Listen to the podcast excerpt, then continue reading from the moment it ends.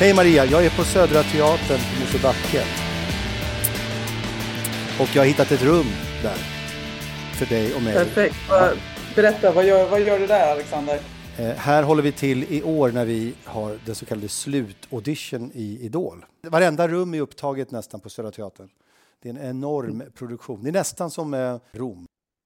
eh, för det, det, är kul också hur stort, oh, riktigt. Så... De tar ju mer och mer plats. Det gäller ju Miami, Indian Wells. Så här, de blir mer och mer likt eh, slam-turneringarna. De tar plats flera mm. dagar, flera eh, deltagare. Så de brer ut sig. Vad tycker du om det? Ja, både och. Alltså, jag tycker att um, det kan kännas lite rörigt när det blir för många slams. För det är så himla traditionsstark eh, sport. Så det känns lite så att man vill hålla den glansen som finns kring Wimbledon och Franska öppna lite och eh, US Open och Australien. Liksom hålla mm. dem där de ska vara. På mm. något sätt. Men det, det, är den traditionella sidan i mig. Men det är lätt att bli traditionell med tennis. Eller? Det är det. Det var någon som frågade mig också som inte alls kunde liksom, tennisens kalender. Sådär. Mm. Så här, finns det något VM eller hur, liksom, har ni något var fjärde år eller något sånt mm. Vi har fyra VM varje år, ja. känns det som, ja. att Grand Slam-turneringarna är. Så jag är också lite som du där, lite kluven till att alla Masters-turneringar nu ska gå över två veckor som det blir. Ja, exakt. Jag, jag vet. Nej, men det är som att fotbollsfans, de, de försöker det också ibland, men att, som att alla fotbollsfans skulle kunna leva sig in i att det kom Uefa Champions League och så fanns det sju till sådana och VM. Mm. Så blir inte Uefa Champions League längre det här som man, som man får pirr i magen över varje maj. När det, ska. Det, det, det är viktigt att de, de får vara där de ska vara. Men mm. så finns det säkert det massa... Man varje... Ja, man förstår ju varje stad. Alltså, är, man, är man Rom och har en mastersturnering och får hålla den över två veckor, damer och herrar, 96 lottningar, magiskt. Ja. Men ser man till helheten och, och det, man kan ju säga att det är fler som får spela där. Men mm. i och med att det inte är veckoturneringar så är det ganska många som tappar möjlighet att spela ATP eller VTA-turneringar. Det var där jag skulle vara så duktig, eftersom jag är lite mer färsk än du i den här världen, jag vara så duktig och säga, jag har tänkt på en sak, det blir ju inga turneringar öppna för de som ska göra lite, de får gå ner till någon challenger låg nivå, knappt där finns det något, om man vill hålla igång. Nej, och, de stänger alltså, tittar liksom. man på den challengen i Bordeaux nu, mm. alltså det, den är så stark så det är inte klokt, där ja, vi har bröderna Ymer förresten. Ja. Men, så alla challenger som ligger andra veckan av de här mastersturneringarna, de, de måste ju hålla vidöppet för att släppa in alla som försvann lite oväntat första veckan i, i mastersammanhang. Än så länge, idag torsdag, så är Ymer Mikael kvar, va? Eller båda kvar? Nej, Elias åkte ut, ja. men Mikael var i kvartsfinal. Jag vet inte om han har spelat idag. Nej. Jag, jag har också koll på att Leo Borg sköter sig i, i Kalmar. Härligt. Ja, jag undrar om han slog polacken i morse, det har jag inte hunnit kolla. Eh, har för första gången på superlänge inte kunnat sett så många matcher live utan får sitta och göra det här lite som vi pratade om, tråkiga låtsas live på kvällen. Ja, jag vet. Det är inte alls samma sak. Men å andra sidan så har vi en gigantisk grej att prata om idag som är så tråkig. Ja, jag vet. För jag, jag tänkte så här, var ska vi börja? Vi kommer inte kunna låta bli kanske. För att jag eh, satt under audition då, så sitter jag med en snäcka i örat, lyssnar, allt är allvarligt. Sen är det tennisintresserade Dragan på kamera som skickar meddelandet via en producent till mig i snäckan. Nadal har dragit sig ur officiellt. Fick jag som en mm. nyhet i snäckan mitt under eh, brinnande slutaudition. Så det är väl det mm. vi ska prata om. Jag gissar att det är det du menar.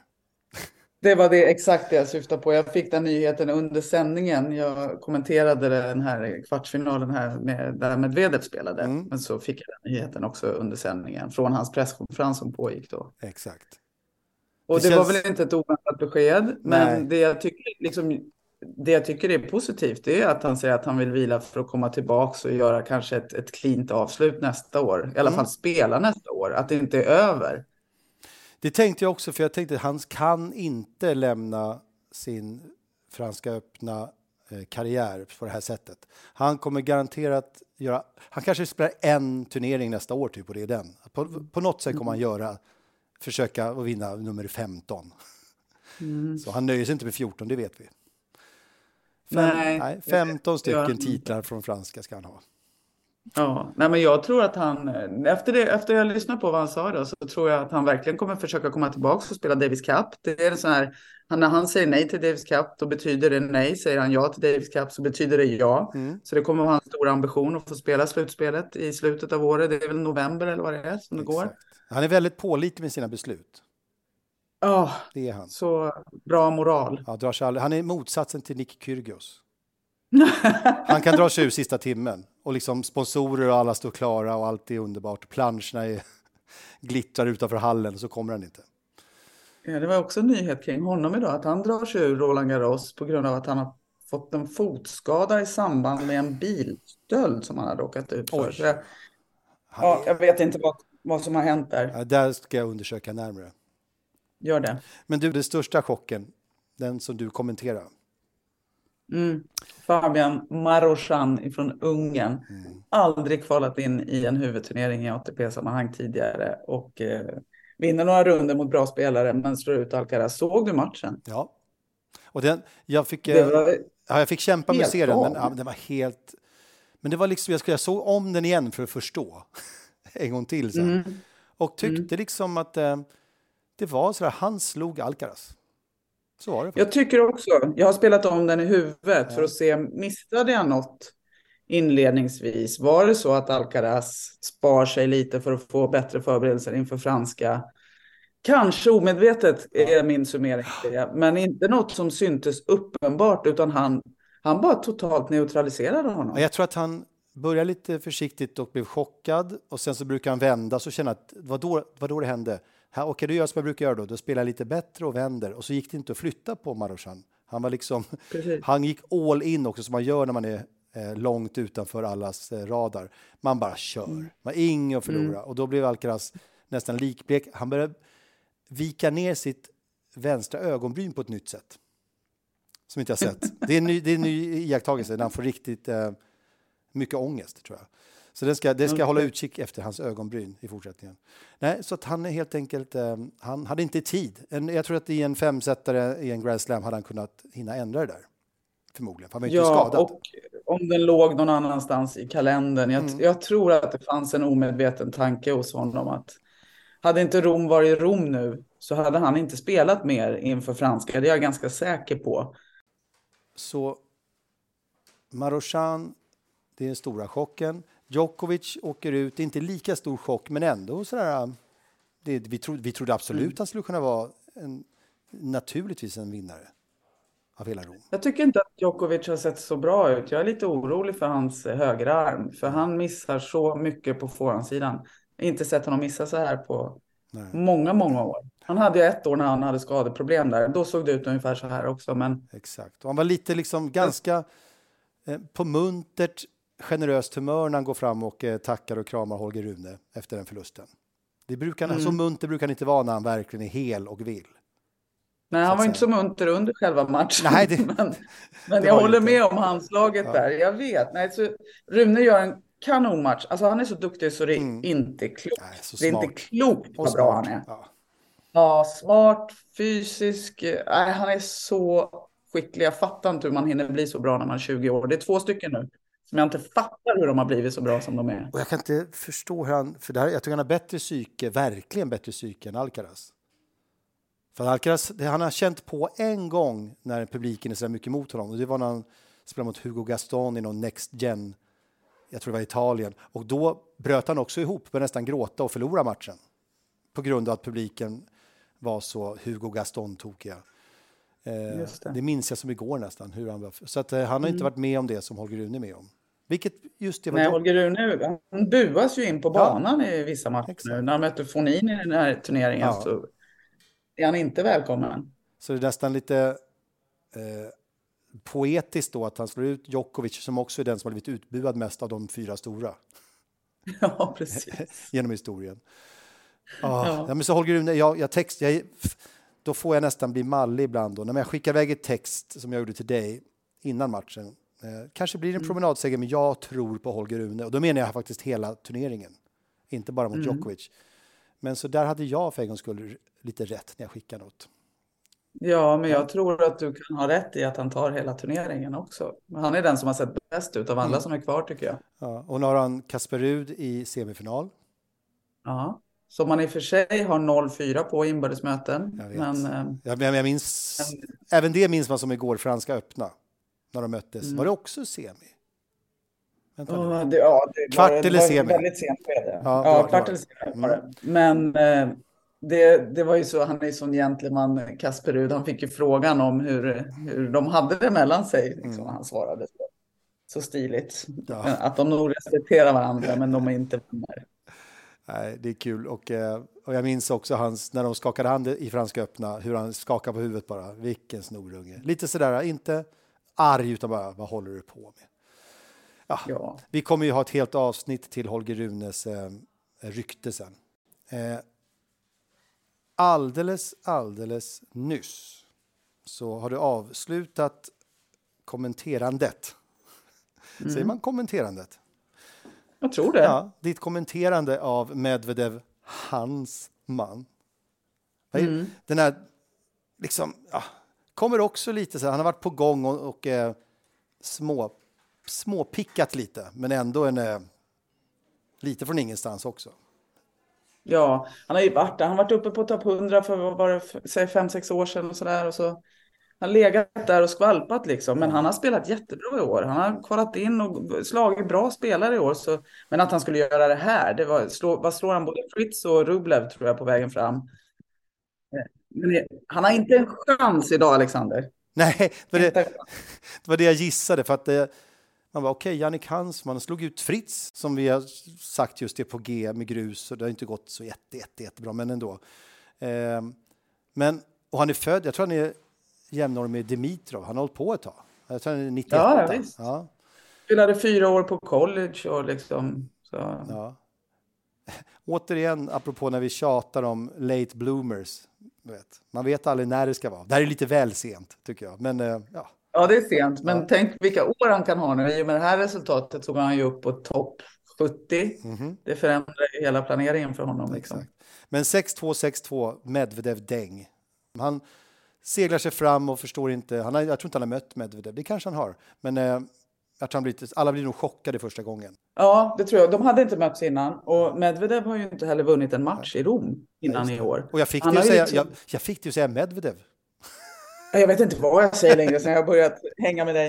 Eh, Men det jag skulle säga var att jag älskar att Medvedev eh, gillar gruset i år. Ja, helt plötsligt. Han har ju fullständigt sågat gruset tidigare. Han har inte ens gett det en chans. Han gillar det nu.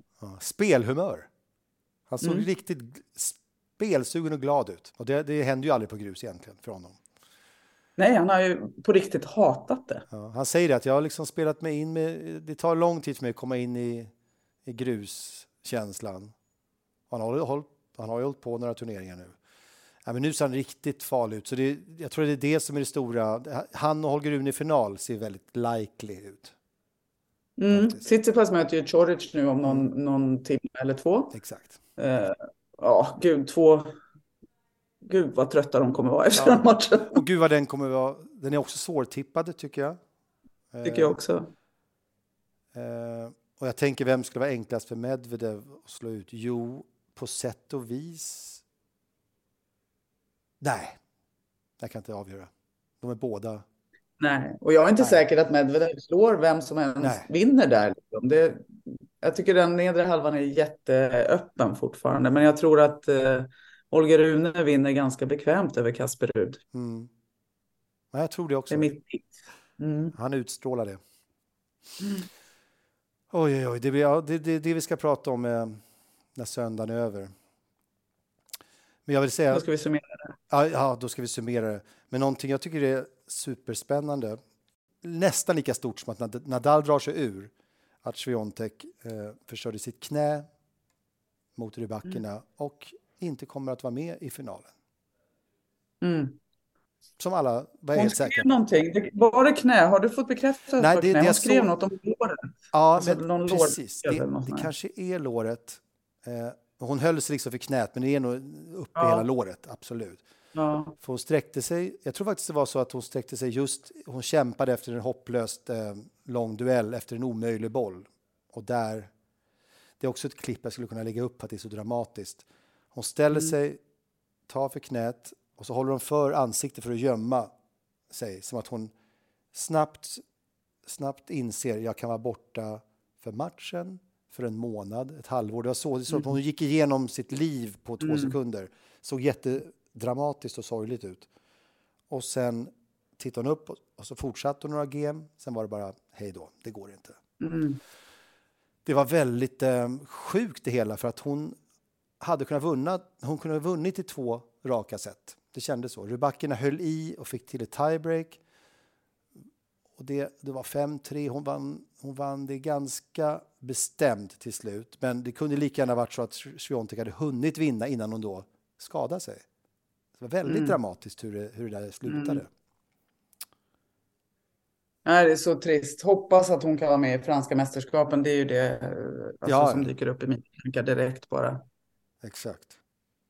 Men det är en spännande uppställning på damsidan i semifinalerna. Det, det har varit lite, lite skrällar där också. Ja, men jag hade redan visualiserat. Mig om, ja, men du har mässat mig om några av dina favoriter här som, ja. som eh, överraskar lite. Berätta. Ja, gud ja. För jag har ju visualiserat nu. För Sabalenka försvann ju. Det var ju motsvarigheten till eh, nästan Alcaraz. Nu var det ju Sofia Kennin som slog ut henne, inte någon okänd ja. människa.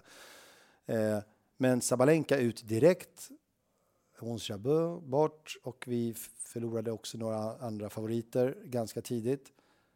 Men Rybakina, hanging in there, Sviontek, fint. Mm. Och framförallt min älskade Ostapenko. Bara har, riktigt skön period har hon just nu. Eh, ser mm. superstark ut. Jag ville se henne mot Sviontek, men det, det, blir ju inte någonting med det, utan jag får se henne mot Rybakina då. Också spännande, men inte samma grej på något sätt. Nej. Men, eh, men däremot kul just med personligheter. De är ju precis... För även Rybacken är ju lite tillknäppt. Åsta Penko som en mm. öppen känslobok. Hon är helt eh, galen höll jag på att säga. Ja, så får man inte säga. Om. Det är full, full fart där alltså. Ja, hon är ju en periodare. Det du säger liksom. Nu har hon en bra period. Sen kan hon ha perioder där hon inte träffar banan. Och så har hela hennes karriär varit. Bränslemästarinna. Ja, det, exakt. Hon har ju precis stora några stora bakom sig. Men eh, det det, mm. hennes rykte är att hon är en uh, streaker, en streaker som man säger. Eh, när det går bra går det väldigt, väldigt bra. Det är ett ord än periodare, det lät inget bra. det är mer alkoholiserat. Ja. Periodare. Men en streaker, men det låter också som att man springer in naken på banan va? Ja, Så allt fel. Hon är bra ibland och sen är hon inte alls bra ibland. Nej, med och motgångsspelare på något sätt. Det kommer mycket på en gång av det som kommer på något sätt. Ja. Nej, vi kommer inte runt där. Vi får, vi får leta ett bra ord. Men Ostapenko mm. är livsfarlig. Hon är ju den här skurken jag brukar prata om. Men nu kanske hon blir en skurk som lyckas bli en, eh, en vinnande skurk som blir en hjälte nu. Jag vet inte. Se hur långt det räcker. Är skurktiden över då? Ja, men kanske. Alltså, för skurkarnas jobb är ju ofta att eh, bara blixtra till. Ungefär som eh, Marushan var en liten oväntad skurk för Alcaraz. Varför kom han där mm. mitt i allting och hade sitt livs mm. match? Det är en klassisk skurk. Eh, ja, jag, jag vill se Ostapenko-finalen. Däremot är det lite, inte lika glamoröst på den nedre halvan med Kalinina och Kudermetova. Nej. Nej. Men det är Ryssland och Ukraina. Det är ja, känsligt. Det är dramatiskt. Eh, stoppar huvudet i sanden och tänker på istället att Sinner åkte ut. Jag försöker, ja, jag försöker glömma var... politiken och tänka på Sinner nu. Ja, nej men absolut. Men, men Italien skulle behöva någon. Berrettini kunde inte vara med. Så liksom, alltså, det skulle vara så roligt om Musetti eller Sinner, mm. någon av dem, hade gått lite, lite längre. Det har varit sån fantastisk inramning runt alla matcher. Liksom så mycket folk som har följt den här turneringen. Och det har ju varit helt galen stämning när de har, har spelat. Jag tycker det var, snopet, det var snopet faktiskt. För Sinner spelade så fruktansvärt bra sin första match. Jag kände så här, då såg han ut att vara bättre just nu än Alcaraz är. Jag såg, han såg ut som världens bästa spelare. Det var vansinnig match. Mm. Och sen så blev jag förvånad. Ganska stora siffror också blev han utslagen med. Ja, han kanske, precis som Alcaraz, undermedvetet vill vara superfräsch till Franska öppna, vem vet? Det kanske är sådana undermedvetna grejer att ah, det finns en bra grej också med att vara utvilad. Jag tror inte mm, de vill förlora. Jag, jag tror den med Alcaraz. Jag tror inte den med Sinner.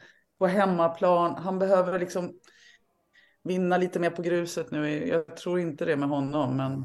Ja, det är det som de... Tror du att han kommer bli världsetta någon gång? Nej, jag tror det som är felet med Sinner någonstans är att han känns inte lika bra på att vinna fast det går lite dåligt som även Tsitsipas har lyckats med mycket, vinna ändå. Eh, Alcaraz kan också vinna ändå fast han inte spelar riktigt bra. Sinner måste ha A-game för att vinna. Lite den känslan. Så han har nog Mm. i sig en slags chockslam någon gång. Men jag tror att han, jag förstår precis vad du menar och jag tycker han har varit den spelaren. Jag tror att det är det han kommer jobba upp nu, hans B och C-plan. Mm. Som gör att till exempel att han inte gör en till sån här Rom, eh, utan att han blir, för jag tror att hans chans kommer vara att han går till kvart semifinal ofta. Ja, Liksom att han blir mycket, mycket jämnare och så kommer han liksom rankingmässigt kunna ta, som du säger, någon skrällslam då och då. exakt. Och eh, det är hans väg framåt, att bli mycket stabilare. Precis. Kasper Rud och Tsitsipas och några andra som ofta då, just som ofta är i kvart och semi och kanske till och med final, men det aldrig riktigt går hela vägen. Så är han som dem, fast han känns mycket farligare än dem när han har sitt högsta spel. Så är det Mm. ju. Men det känns som att det här är ju lite av en, idag är ju lite av en nyhetsrapportering. Eh, rykande färska nyheter, brinnande, alarmerande eh, händelser och eh, lite djupare skönt snack på måndag. Mm. Det låter som en bra plan. Jag får bara ett tips av dig. Vem tror du vinner på dam och herrsidan? Eh, på här sidan tror jag Holger Rune fortfarande. På damsidan är det bara ett vansinnigt önsketänkande med att eh, det är någonting med Ostapenko som känns lite extra kul. Så att jag, jag ser henne framför mig, en vinnare här. Ja. Då håller jag med dig på herrsidan. Jag tror också Holger Rune, men jag tror Rybakina. Ja. Rybakina vore bra för, eh, som vi brukar prata om, rivaliteterna och the big Ja. three för tjejerna. Ostapenko, kul för partyhatten så att säga. Mm. Ja. Hon är egentligen bättre på grus än Rybakina, men det, ja, det ska bli jätteintressant. Damerna spelar ju semifinalerna på fredag och herrarna på lördag. Just det. Och jag är lite färdig med mitt jobb så jag kommer då köra i vanlig ordning, titta dygnet runt. På alla matcher. Ja, vad är ni klara nu? Ja, vi är klara nu. Imorgon. Ja, Ja, så det är helt fritt. imorgon är ni klara. Ja. Ja. Sen är det fritt för Perfekt. helgen. Oj, oj, oj. Nu ska jag tillbaks till, och, eh, vi har faktiskt en dag till, nu ska jag tänka på mina musikidoler och försöka släppa Mm. tennisidolerna lite, lite grann. Mm. Och du då, min eh, stora idol. Eh, vi på återseende och återhörande snart. Från Palma förmodligen. Jättebra. Förmodligen från Ja, Palma. när åker du till Palma då? Lördag. Lördag. Då hörs vi från Palma. Ja, härligt. Tack och puss och kram. Puss och kram. Hej då.